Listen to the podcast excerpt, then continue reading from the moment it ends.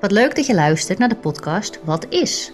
In deze podcast benaderen Yvette Visser, channel, auteur en medeoprichter van het Levenscollege en ik, Maartje Lutte, verschillende onderwerpen met de grote vraag: wat is dat eigenlijk?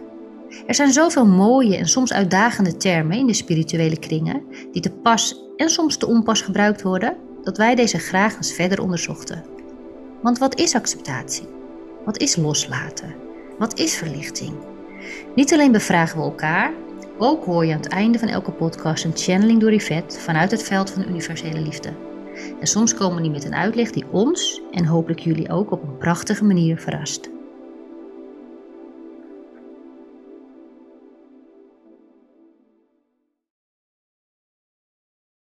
Hoe is het met je? Ja, veel te druk. Ja, volgens mij is, hangt dat in de lucht. Ja? Echt niet normaal, joh. Ik heb een tijd niet meer gehad dat ik denk, ik weet zelf niet meer welke balletjes. Ik ga zo meteen, na deze podcast, ga ik echt alles op een rijtje zetten. Want, Ja. Ik heb het ook. ja, En dat ik echt denk, ik doe mezelf bijna een beetje geweld aan. Door, ja, ik ook. ja. En de mensen om me heen. Ja, ja het, gaat, het gaat volgens mij voor de mensen om me heen nog net goed. Want dan dit weekend heb ik me dan gewoon weer even helemaal gedragen. Heb niet gewerkt. Ja, ja, ja, ja. ja. Maar dan denk ik echt, hoe deze week wel? Doe dan. Veel Ja. afspraken om, om, weet je, dat is het eigenlijk. Als je allerlei afspraken hebt, dan kom je helemaal niet bij wat je iedereen belooft te doen en te sturen en te maken en te ja. doen. Nou, Ja. jij hebt het bij mij ook al gemerkt. Oh ja, nou ja, goed. Ja, nou ja. Ik ken het, maar het kan gewoon niet de bedoeling zijn, dit. Ik geloof gewoon niet, het, dit is niet de bedoeling. Nee, maar wat, hoe, wat ik er grappig aan vind, is dat ik denk, alles wat ik doe is de bedoeling. Eh, zo voelt het wel, weet je wel. Ik, ik weet niet wat ik... Nou, laat, nee, dat is niet helemaal waar. Ik merk wel, en dat is dat ik net toen naar het toilet ging over na te denken. Eigenlijk mijn externe afspraken nemen te veel tijd in langzamerhand voor mij. En ehm, omdat ik het idee heb dat ik eigenlijk wel de hele tijd hier op dat kamertje kan zitten. En dan eh, met de buitenwereld communiceren op welke manier dan ook. Ja, Ehm, en ondertussen achter de schermen alles doen waar ik mee bezig ben. Ja, dat is eigenlijk, eh, vind ik zo leuk. Dat, ja, dat, Ja. ehm, dat herken je denk ik wel. ja. Dat je, weet je wel, als ik dan een beetje iets half sociaals afspreek, wat ook, wat ook hierover gaat, maar is echt ook een beetje sociaal, dan voel ik bijna zo, ja, daar heb ik geen tijd voor. Echt, hè? Ja, dat heb ik ook. Dat ik een soort kluizenaar word. Die Ja. alleen maar hier achter de... Ik ben het gelukkigste hier achter mijn laptop. Ja, Ja, dat je alleen maar kan zenden. Dat je ook Ja. niet van andere mensen... Dat je kan kiezen wanneer je input Dat. van anderen wil. Omdat je gewoon eigenlijk te druk bent voor input van anderen. Maar dat kan toch niet de bedoeling zijn? waarom niet? Ja. Ja. Hebben, is nu het thema van deze podcast wat, wat, wat, de, wat, wat betekent of iets de bedoeling is? Ja, ik zit ook al te luisteren. Of misschien wel. Maar ik denk niet dat dit de podcast is hoor. We moeten eens even gaan eens even voelen. Oh, ik, ik, ik wel Ja? erg. Nou, wel met... Nou, misschien is het wel omdat ik er weerstand op heb. Nou, ik moet je zeggen dat ik zenuwachtig was voor onze podcast vandaag. Ja. Dat heb ik En ik- nooit. En ik was niet zenuwachtig, maar ik zat in de. Ik, ik liep ook net naar beneden. Ik dacht, nou ja, ik ben gewoon zo in de nauw, omdat ik het gewoon niet kan bevatten allemaal. En dat is wel een voordeel. Dus ik ben wel vaak totaal in de overgave. Maar dat ik hier weerstand op voel is interessant, want dit gaat natuurlijk heel erg over mijn eigen thema. Bedoel je over de, het thema de bedoeling zijn? Over drukte en de bedoeling. Over drukte en de bedoeling. Maar wat is de bedoeling, lijkt me een hele mooie. Laten we Ja? die gaan pakken. Ja, want da- da- daar, daar zitten we nu echt in een veld. Wat is de bedoeling? Ja, wat is de bedoeling?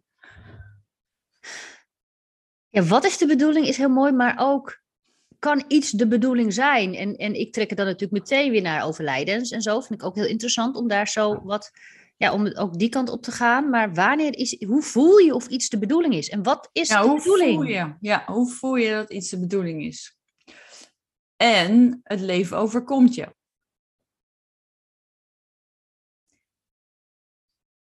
Eh, hoort het hierbij? Nee, ja, nee, maar dat, dat denken veel mensen natuurlijk. Ik zat Oh, net jou- zo. Ja. Ik zat net jouw eh, prachtige artikel te lezen. Ik heb hem gelezen. Ik vind hem echt helemaal prachtig. Er zitten nog een paar taaldingen in, maar ik dacht dat hoef ik vast niet te doen. Uh, nee, zeker niet. Dat doet dat doet actie. Ja. ja, ik wou zeggen, dat doet vast iemand. Over acceptatie bedoel je? Ja, super mooi artikel. En daar zitten eigenlijk al heel veel antwoorden in. Of, op, op dit. Want er staat natuurlijk al heel veel omschreven uh, om het hogere plaatje te bekijken. Wat jij ook zo mooi hebt met die metafoor, dat je kind optilt uh, die de straat over wil steken. Ja, daar, dat vind ik eigenlijk heel erg over wat is de bedoeling en uh, het leven overkomt je. Of, of kan je begrijpen dat je in het leven, dat je zelf het leven bent.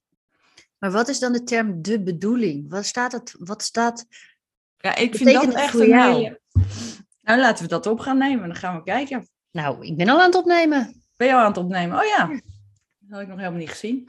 Oké, wat is de bedoeling? Wat is de bedoeling? De bedoeling. Ja, dit is echt een hele leuk. ik heb bij de bedoeling heb ik een, heb ik, uh, kom ik meteen op twee uh, ontspringende um, bergriviertjes. En de een die gaat naar beneden en dat is de bedoeling vanuit je ziel. Dat je echt denkt, joehoe, ik zit helemaal op mijn pad en het voelt goed en ik weet het. En de andere bedoeling is een, uh, een, een waterval met rocky roads tussendoor. En dat je echt denkt, wow, wat is dit, weet je wel? Um, en dat is ook de bedoeling. En dan is het voor allebei is het de bedoeling vanuit je ziel. Maar bij de een denk je, wauw, dit voelt echt heel goed. En bij de ander lijkt het net alsof het leven jou leidt in plaats van dat jij het leven leidt. En dat daar uh, emoties bij voorkomen van angst, verdriet, pijn, uh, maar ook grote joy. Ja? Als je dan even zo'n tijdelijk, zo'n heerlijke waterval naar beneden gaat en je voelt dat je gedragen wordt. Daarin, of, of dat de pijn zo pijnlijk is dat je bijna bij de liefde komt. Er zijn natuurlijk momenten dat, dat je ook in die uh, heftige uh, rivierstroom toch een gevoel hebt dat je ergens in alles wat er gebeurt, dat je nog kan voelen dat het bliss is. Maar het is, jij hebt het niet bepaald en jij hebt geen idee waar het naartoe gaat. Dus dat is meer het onbekende en waar je geen controle over hebt. Terwijl het eerste, de eerste stroom naar beneden, uh, ben je lekker in sync. Je hebt toch het idee alsof je zelf een beetje aan het roer staat. En uh, ja, dat, dat voelt uh, meer mellow, weet je wel, meer in flow. En uh, ja, zo, zo voelt voor mij een beetje de bedoeling. En jij? Mm. Ja, de bedoeling is, uh, voelt voor mij ook iets als iets onvermijdelijks. Dus dat het, dat, dat, misschien wel dat je iets overkomt. Weet je, overkomt uiteindelijk niet het hele leven ons. Weet je, daar kunnen we natuurlijk ook weer over gaan uh, ja, in hoeverre hebben we, we hebben natuurlijk een eigen wil, maar in hoeverre kunnen we sturen? Dus de bedoeling is iets wat, wat, wat onvermijdelijk was of is. En dat kan dus aanvoelen als fijn of als minder fijn. Maar Um, ik, ik, was van het weekend op een beurs en er kwam ook een vrouw en die raakte met mij aan de praat en zij kocht mijn boek en daarna meteen, uh, en we hadden een mooi gesprek en s'avonds appte me zijn maatje, ik heb je boek in één keer uitgelezen en ik, dit was geen toeval, dit was zo de bedoeling. En wat is dan de bedoeling? Dat iets, het, het lijkt wel of het jou dan ergens heen heeft geleid, dat je niet met je rationele mind hebt bedacht, ik ga hierheen, ik ga hier dit gesprek in en dit wil ik eruit halen. Maar je wordt geleid of zo naar iets, naar een punt. En daar haal je iets uit. En dan denk je, ja, dit was de bedoeling. Ja. Dit was omdat ik, ik heb een inzicht gekregen of iets. Of het heeft me iets gebracht. Waarvan ik van tevoren niet wist dat het zo zou zijn. En dan zeg ik vaak, oh, dit was de bedoeling. Ja. En dat voel ik ook natuurlijk zo erg met het overlijden van Benja. Het was de bedoeling dat hij overleed. Ja, en hoe vaker ik het woord bedoeling zeg nu, hoe gekker ik het vind klinken. Wat een raar woord is, het bedoeling. Uh, en voor mij is uh, dat iets de bedoeling is een hele troostende gedachte. En voor sommige mensen is het geen troostende gedachte. Die kunnen dan zeggen, ja, maar dat de bedoeling is, vind ik juist, maakt het juist pijnlijker. Waarom, hoezo heeft dit een bedoeling gehad? Waarom is het niet per ongeluk gegaan en was het niet de bedoeling? Dus dat, dat, dat roept het heel erg bij mij op. Het is wel bijzonder, want jij voelt dat het de bedoeling was. er zijn natuurlijk heel veel mensen die als eerste voelen wanneer er een kind overlijdt dat dat niet de bedoeling kan zijn. Precies. En het verschil tussen jouw voorbeeld van die mevrouw die uh, jouw boek leest, uh, jou op de beurs tegenkomt, is voor mij dat eerste stroompje. Ja. Dat je echt denkt, ja, wauw, dit is goed, dit is mooi. Um, jij hebt een ervaring dat je toen ben je overleed eigenlijk al meteen in het eerste stroompje zat.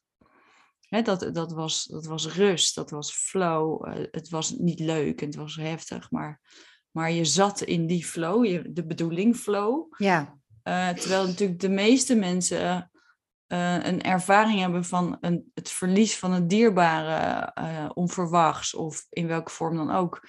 Waarbij je echt ten diepste voelt, dit kan toch niet de bedoeling zijn. Dan zit je toch echt aan die rechterkant van, het, van de rivierstroom, waar je, waar je voelt alsof je meegesleurd wordt in het leven en je hebt er geen controle op. Je krijgt emoties die je niet kan handelen. Je, uh, en, en de waarom-vraag is de grootste. Hè? Dus dat, dat kan zijn voor het overlijden, maar het kan ook zijn voor echte crisis in je leven. Uh, of zware depressiviteit of uh, verliezen van een groot, echt, echt iets wat je heel mooi vindt. In welke vorm dan ook.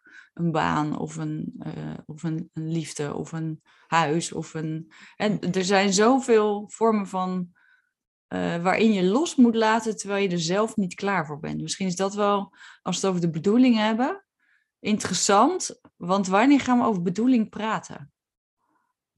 En wat heb je eraan? Wat heb je aan de bedoeling? Ja, en wat heb je eraan om het zo te, te, te labelen? Ja, dat, is een, dat vind ik een hele interessante vraag. Ook wel mooi om even, als je dit luistert, even voor jezelf te vragen: wat heb je eigenlijk aan de bedoeling? Maar voor mij staat wel de bedoeling aan dat het klopt en dat het goed is. Dat er niks fout gaat. Ik kan me er daarom makkelijker aan overgeven, ook al is het iets wat pijnlijk is. Ja, en tegelijkertijd ga je dan eigenlijk op de stoel van God zitten, zeg maar. Zo van, ik voel dat dit de bedoeling is en ik voel dat dit niet de bedoeling is. Terwijl... Eigenlijk is alles de bedoeling. Ja, ja omdat, omdat je dus niet weet hoe het zit. Hè. Jij hebt dat mooie voorbeeld van als een, een kindje de straat over wil steken uh, van twee jaar oud. En die steekt over en jij als ouder pakt het kind op. Omdat je weet van ja, dat is een drukke weg. En dat kind gaat schreeuwen en slaan en die wil het naar de overkant. Die begrijpt het niet. Eigenlijk is, is de bedoeling, um, gaat erover dat uh, wanneer je voelt dat het de bedoeling is, je kan je aan overgeven en het geeft je rust, uh, dan begrijp je het. Maar als je uh, het totaal niet begrijpt, dus je bent dat kind van twee in die armen van, uh, dan, dan heb je het overzicht gewoon niet. Dan, dan begrijp je niet wat, hoe de grote lijnen allemaal zitten.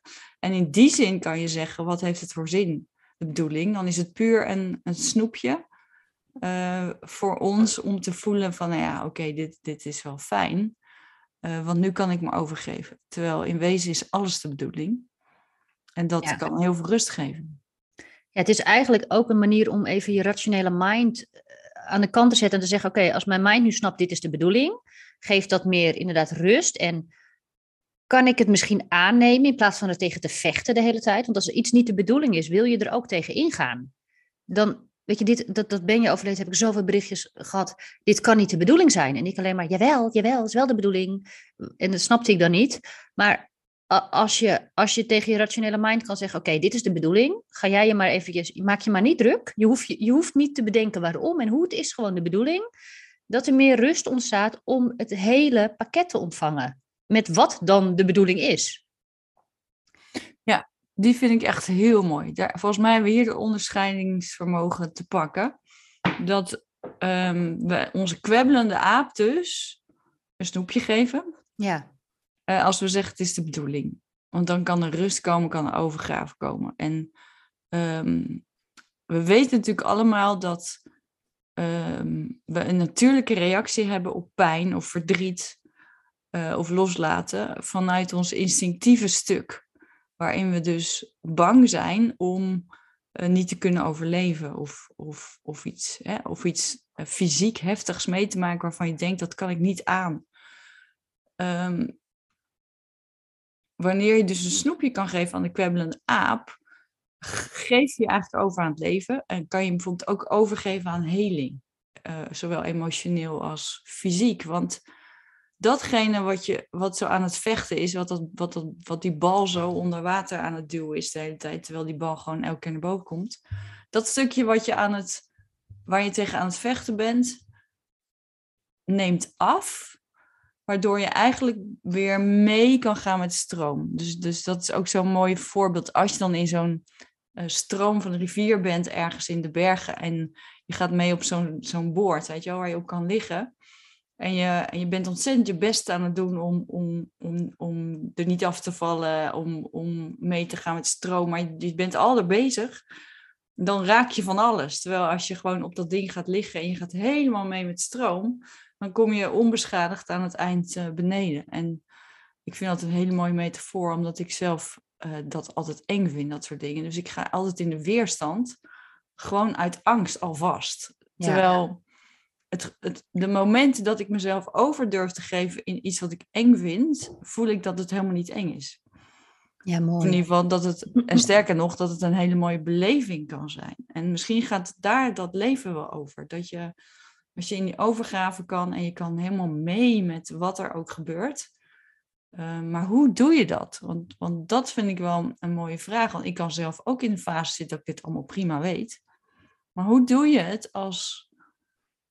Is dat een kwestie van oefenen? Dat kreeg ik net als idee toen jij dat zei over die kwemmelende aap die je dan aan de kant zet. Als je nou jezelf in dagelijks steeds oefent, dit is de bedoeling, dit is de bedoeling, dit is de bedoeling zodat je als het moeilijker wordt, dat je ook kan voelen, dit is de bedoeling.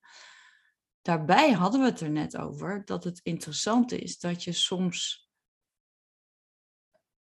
nou ja, bij wijze van spreken als voorbeeld, zoveel balletjes aan de lucht, in de lucht aan het houden bent, uh, dat je ergens weet, nou is dit wel de bedoeling en moet je daar niet zelf iets aan veranderen? Hoe zie jij dat? Nou ja, de bedoeling daarvan is denk ik ook als iets het is de, het is de bedoeling dat ik ervaar dat ik dit niet oké vind. Misschien, misschien is dit weer totaal, uh, misschien een totale contradictie wat ik net zei over dat iets de bedoeling is, maar uh,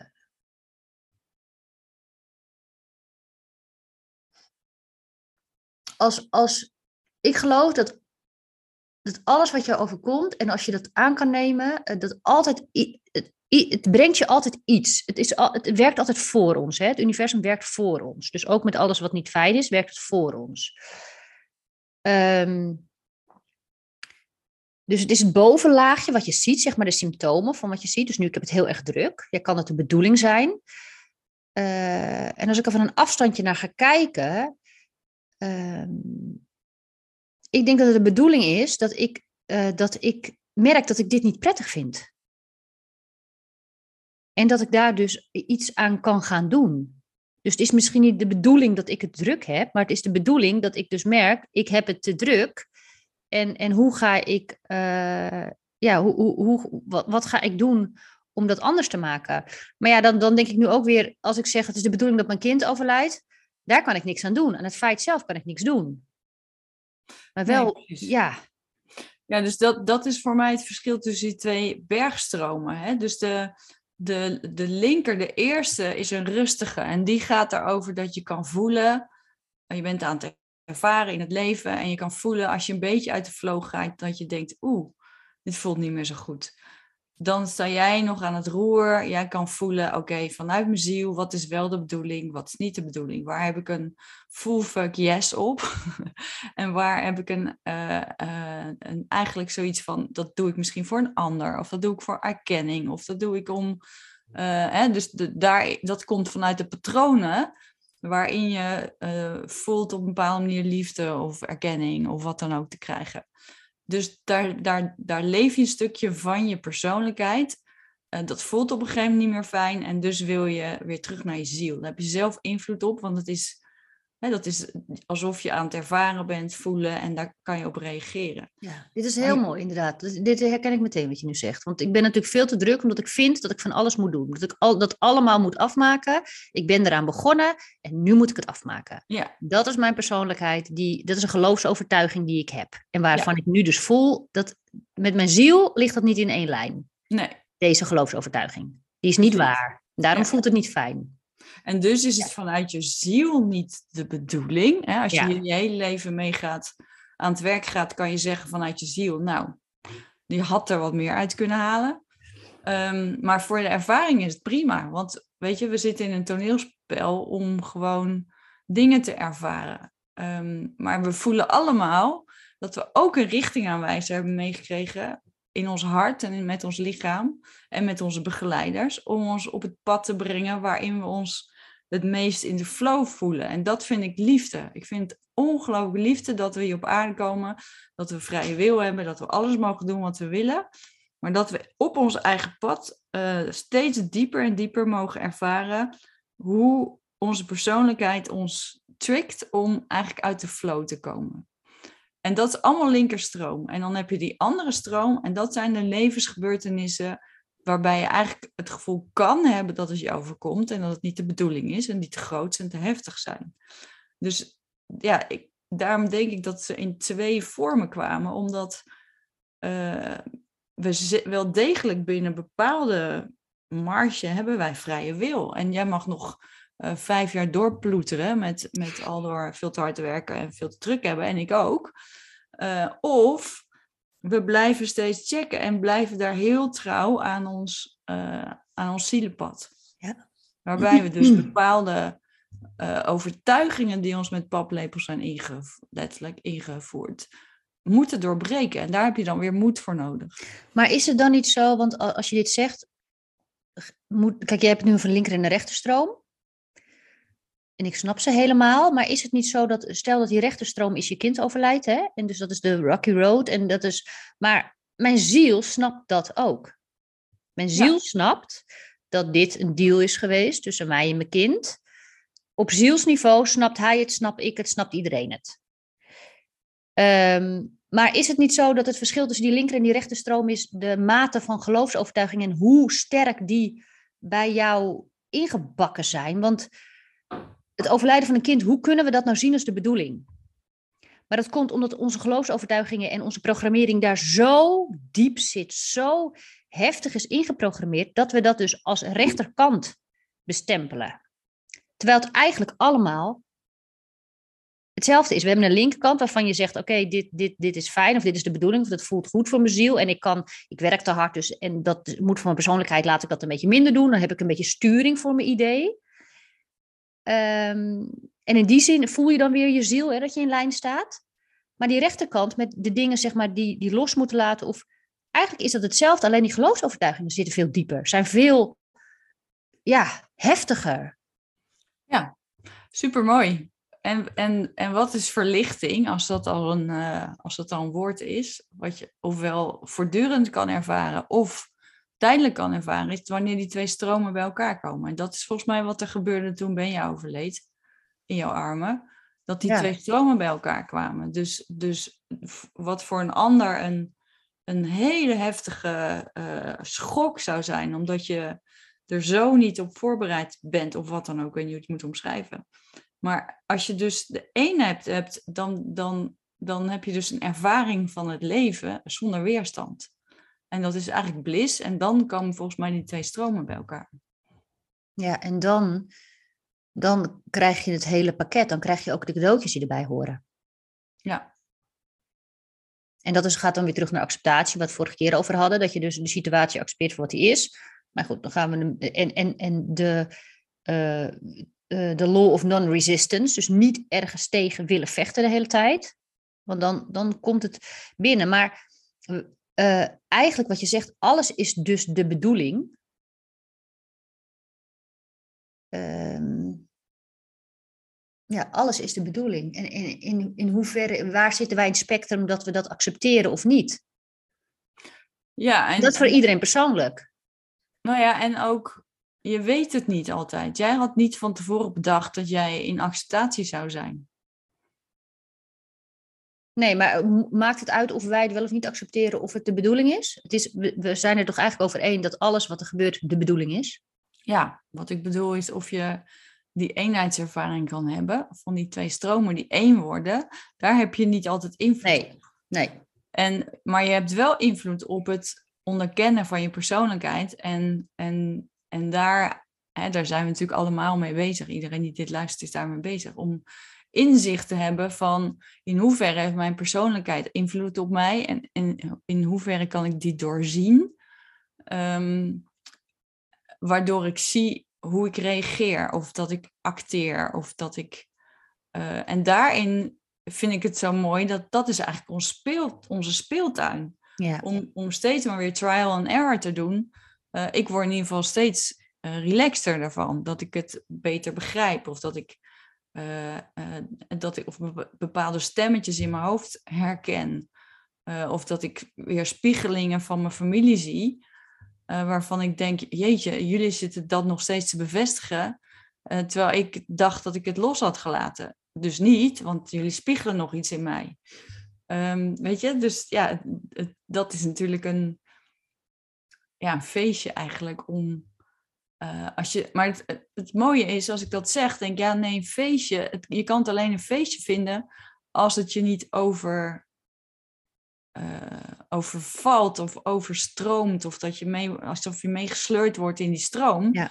Want dan kan je het helemaal niet meer eens rustig van afstandje bekijken. Dan, dan verzuip je eigenlijk in het leven. Ja, dat is precies wat, wat ik wilde zeggen. Het, is, het helpt mij als ik even een stap terug doe. Even kijk naar wat mij dus Maartje overkomt en hoe zij daarop reageert. En dat ik erken van oké, ik zit nu in deze situatie. Um, bijvoorbeeld, um, ik ben dan met iemand aan het daten en diegene appt niet terug. Een heel klein voorbeeldje. En dan ik, en dan word ik pissig in mijn hoofd. En dan, en dan en waarom appt hij niet terug? En wat uh, is, uh, is er wat fout gegaan? En dit ben ik niet waard. En dan, dus dan gaat het, dan zit ik erin, hè? Dan zit, ben ik aan het verzuipen. En, aan het, en dan denk ik, oké, okay, Maart, ho, stop. Ga er eventjes achter staan. Wat gebeurt hier nou? Er gebeurt iets en dat vind je niet leuk. En waarom vind je het niet leuk? Wat, kan, wat vertelt jou dit? Waarom raak je hier zo van van slag? Misschien meerdere mensen, maar waarom raak je er zo van van slag als iemand niet binnen een bepaald tijdbestek aan jou terug appt?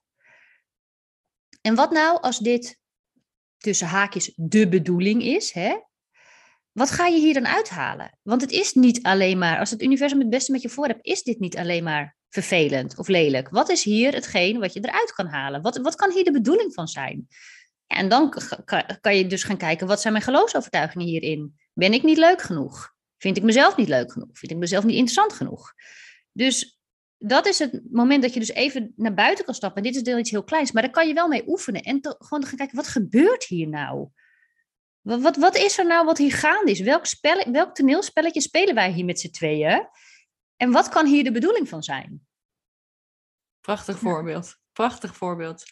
En ook eentje waar je, als je echt in oefent, inderdaad uh, beter in wordt. Dat vind, ik ook zo, vind ik zo mooi. Dat je, um, dat heb je natuurlijk ook als je, als je in gedachten namen geeft aan de stemmetjes. Hè? Dus het stemmetje van, uh, um, ja, ik ben, ben wel meer waard of zo. Nou, wie zegt dat? Uh, en als je die, die stem een naam geeft, dan het is super basic, maar ik vind het super grappig, want als ik dat doe, dan herken ik het eerder als het gebeurt. Ik heb zo'n stem die uh, altijd harmonie wil en, en, vrede wil. Dat is gewoon ik oh, als ja. kind tussen mijn ouders. Ik wil hoe noem je die stem dan? Heeft die een naam? Irene, want dat oh. is de stem van de vrede. Oh, wauw. En, en die is heel groot. Ik wil eigenlijk uit die stem, hè, dat ik dus altijd wil dat mijn ouders gelukkig waren, maar met elkaar het zo moeilijk maakten, ging ik altijd proberen dat ze het weer leuk vonden. Of ik ging ze verdedigen. Nou ja, hele, hele verhalen. Wat ik daar bijzonder aan vind, is dat, als, dat ik eigenlijk automatisch, als iemand niet gelukkig is en dat met mij deelt, dat ik het op wil lossen. Want ik ben degene die wil dat iedereen gelukkig is. Ehm, dan ga ik dus, over de bedoeling gesproken, ga ik uh, um, iets oplossen wat helemaal niet aan mij is. Ik ga de hele tijd op stoelen zitten die niet van mij zijn. Irene gaat de hele tijd op stoelen zitten die niet van mij zijn. Bovendien word ik door Irene, Irene heel moe. Ehm, en teleurgesteld, want ik kan helemaal niet iedereen zorgen dat iedereen gelukkig is. Dus ik ben nu aan het trainen om aanwezig te zijn met mensen waar ik van hou. Hè? Want kijk, als ik het als coaching doe, of, dan is het heel anders. Maar mensen waar ik van hou, ehm, eh, die pijn of verdriet hebben, om daar aanwezig bij te zijn, zonder dat ik het ga oplossen uh, of allerlei dingen ga aandragen, maar gewoon met mijn hart open zijn.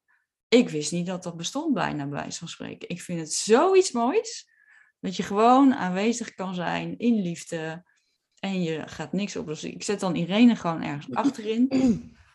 En en ik ben even los van dat persoonlijkheidsdeel van mij. Heel mooi. Ik ga ook even een paar, een paar namen bedenken. Ik heb er ook nog wel een paar. Ik heb er eentje die dan altijd, altijd zegt: Oké, dit gebeurt nu. En als dit nu gebeurt, gaat het waarschijnlijk alleen maar erger worden. Oh ja. Dus hij appt me nu niet terug. Dat betekent waarschijnlijk dat hij gewoon dat, dat die afstand, afstandelijk is en dat nooit gaat doen en geen verbinding, dan maak ik er een heel verhaal van in mijn hoofd hoe dit dan gaat eindigen. Ja. Ja. Nou, leuk. Wat, wordt wat wordt de stem? Ja, ik weet niet. Het moet iets met, iets met een, een, een soort associatie met de toekomst hebben. Ja. Ja, ik ga daar nog even over, uh, over dubben. Maar dit is heel helpend. Door te kijken, wie is er nou aan het woord? Wie neemt mij nou mee? Wie sleurt mij nou onder water in dit verhaal? Waarom kan ik niet even op de kant gaan staan en te kijken, wat loop je nou te spartelen daar? Hier is mijn arm, kom er maar uit. Ja, ja dus voor mij helpt het om, om mijn persoonlijkheidsstemmen delen van mij, ehm, ja, daar bewuster van te worden op deze manier. En het mooiste vind ik nog, ehm, is aan die stem dan te vragen, waarvoor wil je Hè, die kan ik nu aan jou vragen bijvoorbeeld. Hè. Laten we jouw stem even Fred noemen, van Future Fred. Oh, mooi, ja. Um, en als jij eens voorstelt dat Fred op een andere stoel zit... en ik zou aan Fred vragen... Uh, joh, Fred, jij bent ooit in het leven van Maartje gekomen. Um, waar wilde je haar voor beschermen? Um, Fred wil mij eigenlijk ervoor beschermen dat ik niet te lang doorga met iets waarvan ik weet dat het niet de bedoeling is. Ja. Maar Fred heeft zich, is er zich zo erg mee gaan bemoeien dat ik zelf niet meer. Ik denk de hele tijd, oh, ik moet mijn grens aangeven. Maar waar is mijn grens? Ik weet het niet eens meer, want Fred heeft dat zo erg overgenomen dat ik het zelf niet meer voel. En hij springt de hele tijd in op momenten dat het eigenlijk helemaal niet meer nodig is. Ja. Ik moet het zelf gaan leren. Oké, dus als we Fred nu zouden vragen van, joh, Fred, denk je dat Maartje capabel is om dat, uh, hè, dus nu wat volwassener dan toen jij bij kwam, dat, uh, dat Maartje in staat is om dat zelf te voelen? Ah, Fred denkt van niet. Nee? Nee. Laat Fred eens kijken naar jou.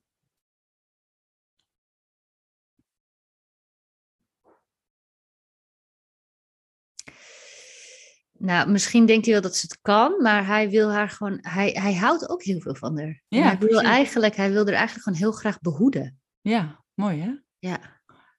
En, en als Fred zoveel van Maartje houdt, zou hij dan een beetje afstand kunnen nemen, zodat zij een beetje kan leren om weer op zichzelf te vertrouwen. En dan hoeft hij niet weg, maar hij mag een beetje een stukje, een stapje terug doen en, en, en ook zien vanuit liefde van, hé, ik kan haar wel een beetje loslaten, want zij kan het best wel goed. Ja, hij kan wel een beetje aan de kant. Klein beetje, ja. Grappig.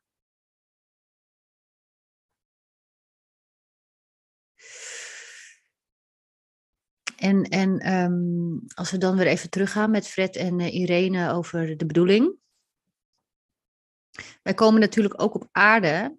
Ik heb net een, ook een uh, kleine online uh, video opgenomen over levenslessen. Of, of levenservaringen of thema's die jij graag wil uitspelen. Of die je graag wil ervaren of je eigen maken. Dus in die lijn gebeuren natuurlijk ook dingen in jouw leven die de bedoeling zijn, omdat ze in lijn liggen met jouw levensles. En kan jij dan zeggen dan dat jouw levensles ook omhelst dat je dus mensen zelf hun pijn kan laten dragen en dat je niet hoeft mee te dragen? Zeker. Ik denk dat je, je, je stemmetjes, als je die allemaal een naam geeft, dat je eigenlijk ook meteen je thema weet. Want ik geloof dat je altijd in een situatie belandt waar je geboren wordt, waarin je in die staat van ehm, toegankelijkheid, dus dat je alles opneemt de eerste zeven jaar, als zonder onderscheidingsvermogen eigenlijk. Dat daarin, als het goed is, alle patronen in jou gegoten worden, uh, die jou dienen om weer te doorbreken, om uiteindelijk uh, al je lessen te leren. Ja. Dus je stemmetjes zijn, een, um, zijn eigenlijk een sleutel naar je geluk. Uh, en een sleutel naar het begrijpen wat je rol hier is. Want bijvoorbeeld, zou jij, ik, ik, ik vraag het zo aan jou, voor Irene geldt bijvoorbeeld dat ik een heel groot geluk heb gevonden dat ik gewoon met mensen mag zijn in hun uh, pijn en dat dat heel helend is. Maar Zonder niet iets te doen. Hun, Zonder iets te doen. Ja, dus het is helend voor hen, het is helend voor mij. Um, en het is, als we het daar nu over hebben, uh, een, dat je dichter bij de bedoeling komt en ook bij acceptatie. Um, zonder dat je iets doet. Door alleen maar te zijn. Dus het zou kunnen dat dat een van de dingen is die, waar ik hiervoor gekomen ben. Om gewoon met mensen te zijn in, in, in waar ze zijn. En zo is het bij Fred, bij jou, ben ik dan benieuwd van oké, wat, wat is de, de positieve kant van als jij Fred ergens achterin hebt kunnen plaatsen. En Fred vertrouwt het allemaal weer een beetje. Wat bied jij anderen dan? Um, dat zou dus kunnen zijn maar dat is mooi als jij het invult, dat je anderen goed kunt laten voelen en ervaren wat het verschil is tussen uh, dat je het zelf kunt voelen of dat je uh, nog voelt vanuit patronen die je aangeleerd zijn. Dus hoe kom je weer terug bij de tomtom van je ziel eigenlijk? Ja. Ik denk um, dat het bij mij er ook over gaat. Um, vertrouwen hebben in datgene wat, gebeuren, wat, er, wat er gebeurt, dat dat goed is, zonder dat je weet wat dat is. En het, ik, ik herinner me ineens dat, um, dat, dat Benja nog leefde en dat ik naar Christel ging. Zij is een beetje ook mijn, eh, een van mijn spirituele goeroes, noem ik haar, mag niet van haar, maar dat noem ik wel. En de, een van de eerste dingen die zij tegen mij zei, was toen Benja nog leefde en ik vreselijk bang was dat hij dood zou gaan. En ik ging naar haar, ik dacht iemand moet me helpen, was Maartje, wat nou als het de bedoeling is dat Benja overlijdt? En de bedoeling, en, en ik, ik dacht eerst, wat zeg je nou, wie ben jij nou, waarom doe je dit? Maar dat heeft voor mij zo'n poort geopend, zo'n zoiets ja, geopend, het woord de bedoeling. En daarna zei ze: ga uh, vragen eh, aan het leven dat, dat weet je, ga, ga vragen dat dat wat goed is, dat dat gaat gebeuren, ook al weet je niet wat dat is. Hmm. En daar ga ik ook heel erg op aan. Ook met de bedoeling, wij weten niet waarom de dingen gebeuren.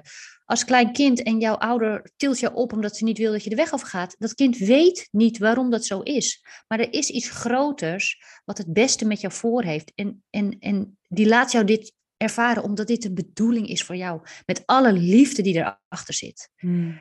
Dus, dus het vertrouwen op het leven, wat ik dus, wat Fred mij af en toe niet laat doen, want die, die, die eh, laat, is bang dat het niet goed gaat en die wil inspringen. Maar echt het vertrouwen hebben dat het leven voor jou werkt. En dat alles wat jou overkomt de bedoeling is. En dat alles een reden heeft. En we zeggen wel eens, ook als iemand overlijdt, ja, er is geen antwoord op de waarom-vraag.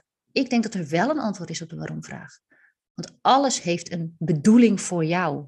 En je kan voor jezelf gaan graven welke dat is. En als je daar dus achter komt, net wat jij nu hebt gedaan, dat, dat gaat jou zoveel geluk brengen.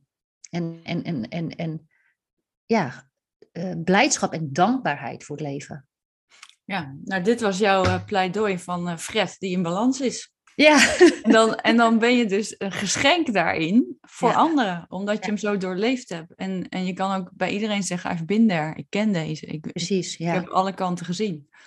En uh, prachtig wat je zegt, echt, echt, echt heel mooi. En ook wat ik er ook zo mooi vind aan wat je zegt, is van wij zijn altijd gewend om te sussen en om, om, maar, te, om maar te zeggen van nee joh, dat gaat niet gebeuren. En, uh, uh, dus eigenlijk wordt de angst ook helemaal niet gezien. Terwijl, terwijl jij dit vertelt, denk ik, oh, het is toch mooi dat er mensen zijn die jou helpen om um, niet in weerstand met die angst te zijn, maar te zeggen, oké, okay, dit is je grootste angst. Wat als? Want dan kan je er verbinding mee maken. Anders heb je nog angst voor de angst, de weerstand voor de angst, weet ik veel wat. Ja, dan laat je het helemaal buiten je. Dan neem je niks aan. Nee, en, en dit is dus iets wat jij in wezen dus nu ook zo kunt geven aan mensen. Van, Dat je, het is iets bijvoorbeeld wat ik heel mooi vind, omdat ik ook zo opgevoed ben met uh, vooral nergens naar de angst gaan kijken. Alle angst is onder het vloerkleed gestopt en daar, daar kijken we gewoon nooit. En het wordt een steeds groter uh, uh, stofnest onder dat vloerkleed. Terwijl ik heb geleerd als iemand mij aan de hand pakt en het vloerkleed optilt, dat ik bij liefde uitkom. Ja, totaal, totaal.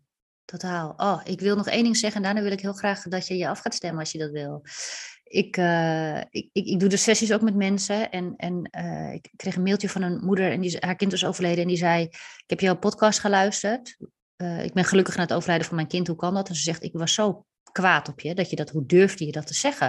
Maar ze zegt, ik snapte ook wel dat ik zo getriggerd raakte. Dat ik dacht, ik ga eens even luisteren wat die vrouw te melden heeft. Want hoe gaat zij zichzelf verklaren? Nou ja, geluisterd en uiteindelijk een sessie ook met mij gedaan. En toen vroeg ik haar ook, wat, wat, he, wat heeft het luisteren van de podcast en, en mijn verhaal je dan gebracht? Als ze zegt, het feit dat ik mezelf af durf te vragen of dit mij iets kan brengen. Alleen al die vraag, ze zegt dat ik dat, dat ik dat mezelf durf af te vragen. En daarna gaat weer heel snel de deksel erop, maar hij komt af en toe terug.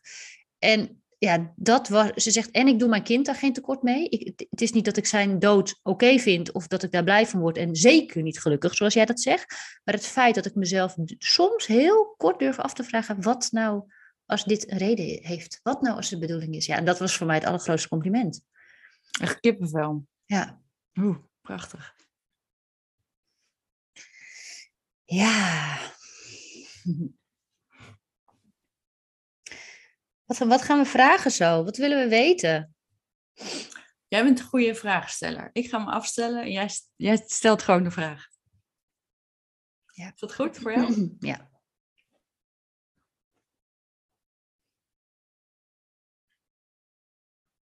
Ja. Ja. Um, mijn vraag aan jullie is: jullie hebben denk ik net wel meegeluisterd met ons en het thema is de bedoeling. En wat kunnen jullie zeggen vanuit, vanuit het veld van onvoorwaardelijke liefde of uh, universele liefde? Wat, hoe zouden jullie iets, als, uh, iets omschrijven als iets, dit is de bedoeling? Hoe, hoe werkt dat vanuit jullie?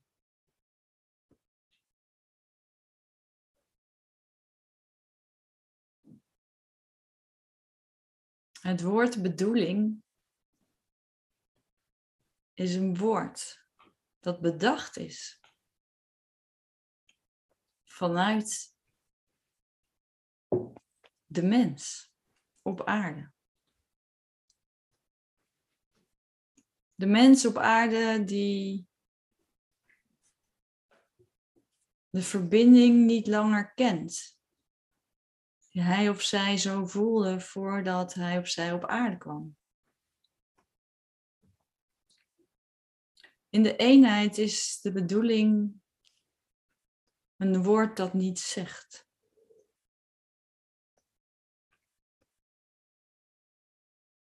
In de eenheid is alles.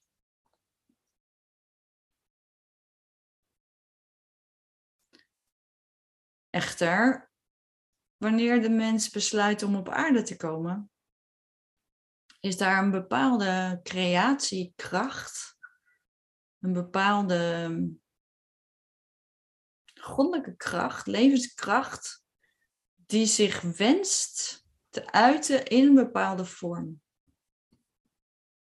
Laten we dat levenskracht noemen. Een levenskracht is een voorwaartse kracht.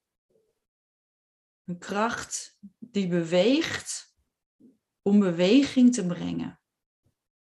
Dus laten we zeggen om ervoor te zorgen dat er een kind geboren wordt op aarde. Dat er uit een zaadje een boom kan groeien, of een plant of een bloem.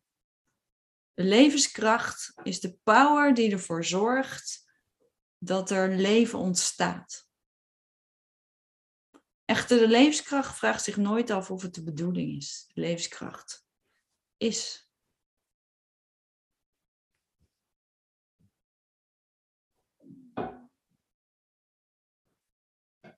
En wanneer de mens de vraag stelt of iets de bedoeling is, is de mens niet in eenheid.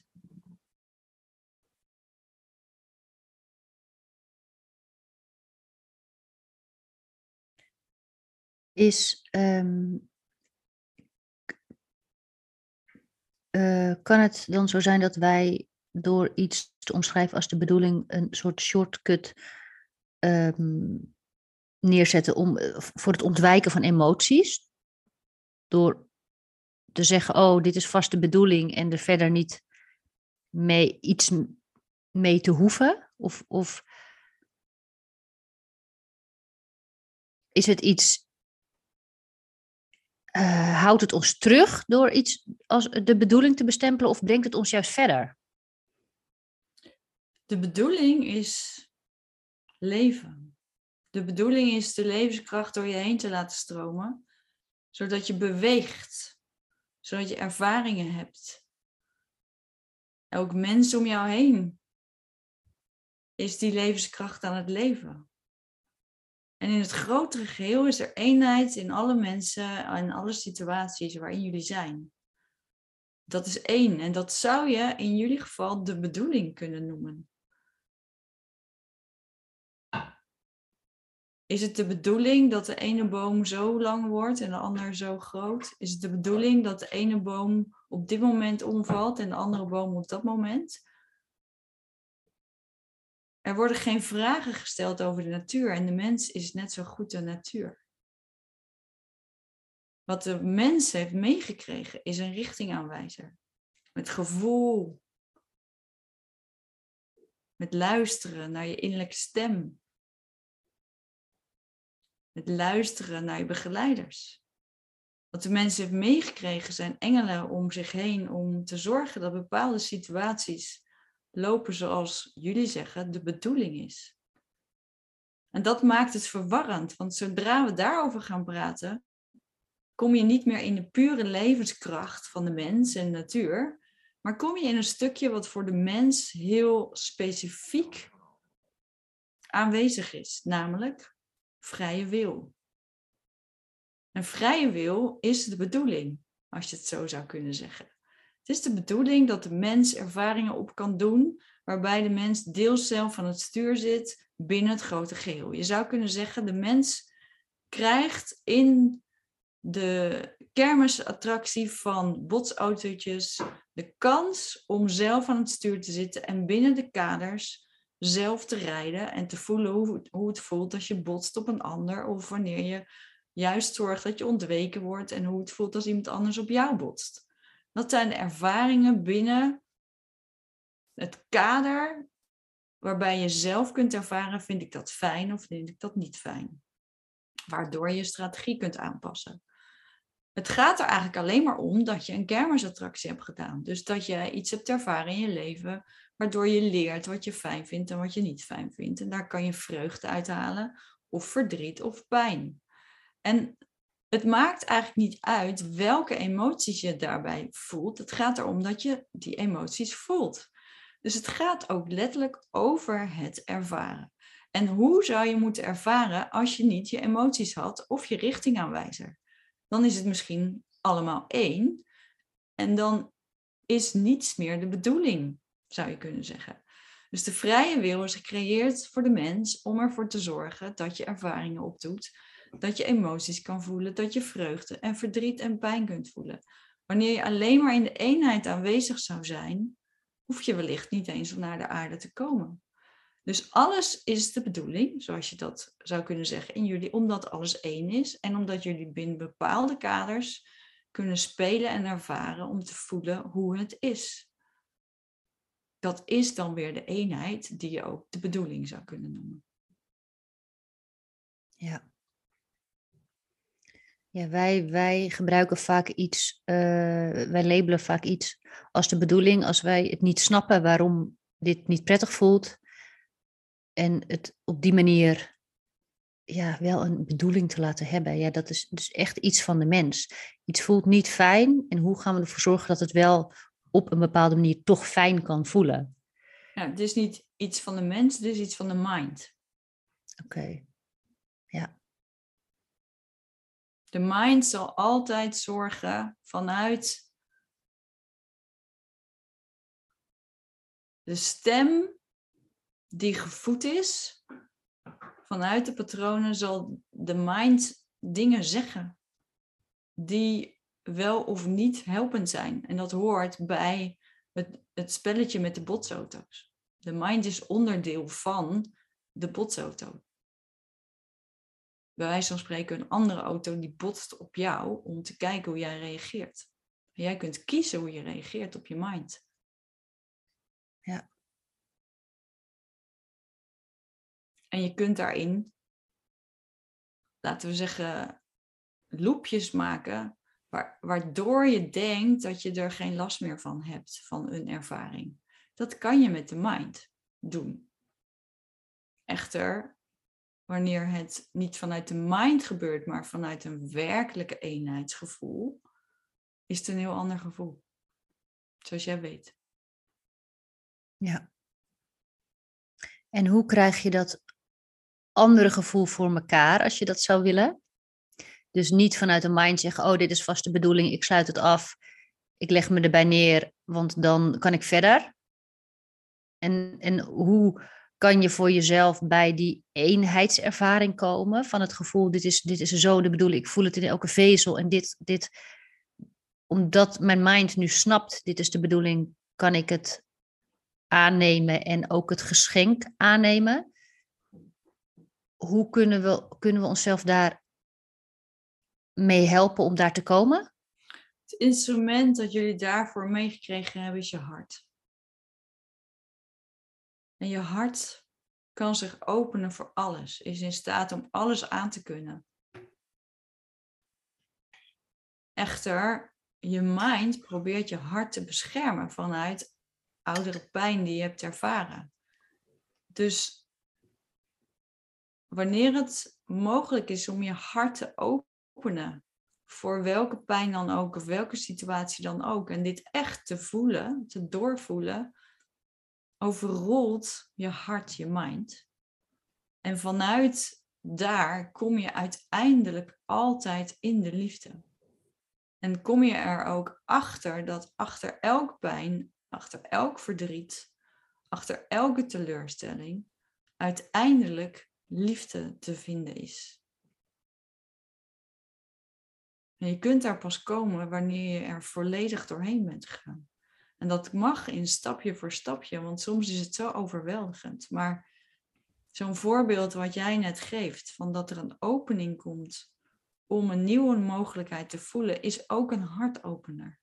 Een opener om wellicht een klein beetje je hart te openen en te voelen dat je echt pijn voelt in de eenheid van het leven en niet omdat het een geprogrammeerd gegeven is dat je kind bijvoorbeeld niet mag overlijden. Maar dat je echt gaat voelen, wat voel ik nu? Zonder het verhaal van de mind.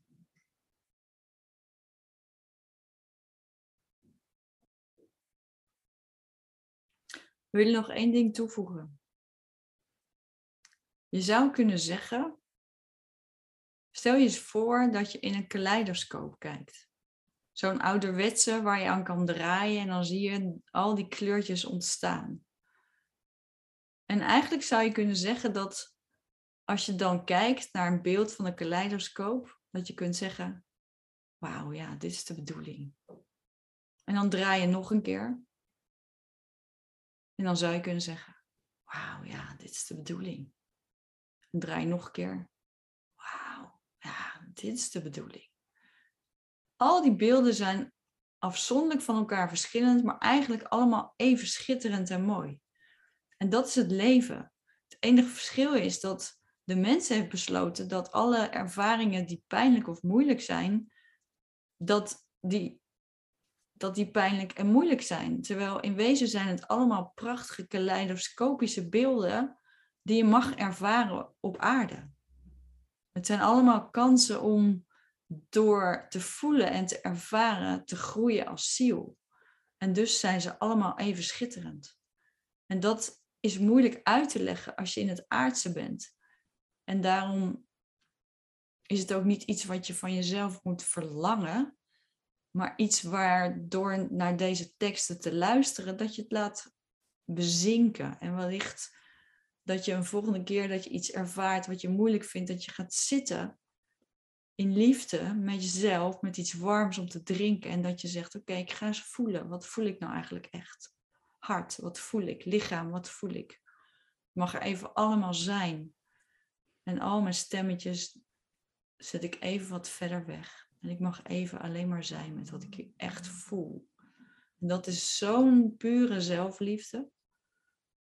Waardoor je soms de meest prachtige kaleidoscopische beelden krijgt te zien in het verdriet of in de pijn, die je dan daadwerkelijk ervaart als schitterend. Supermooi. Eigenlijk is gewoon het leven aan zich de bedoeling. Dat is het.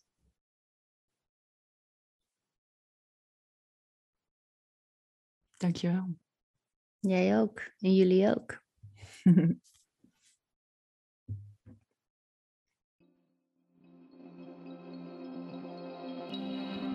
Ben je benieuwd naar wat ik nog meer doe? Ga dan naar mijn website www.maartjelute.com. Daar vind je mijn boek, Benja's Present, en meer informatie over de sessies die ik aanbied.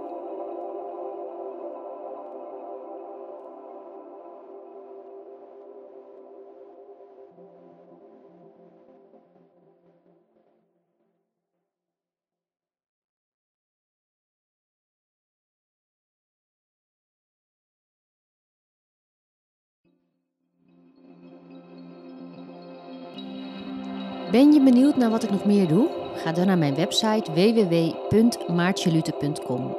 Daar vind je mijn boek, Benja's Present, en meer informatie over de sessies die ik aanbied.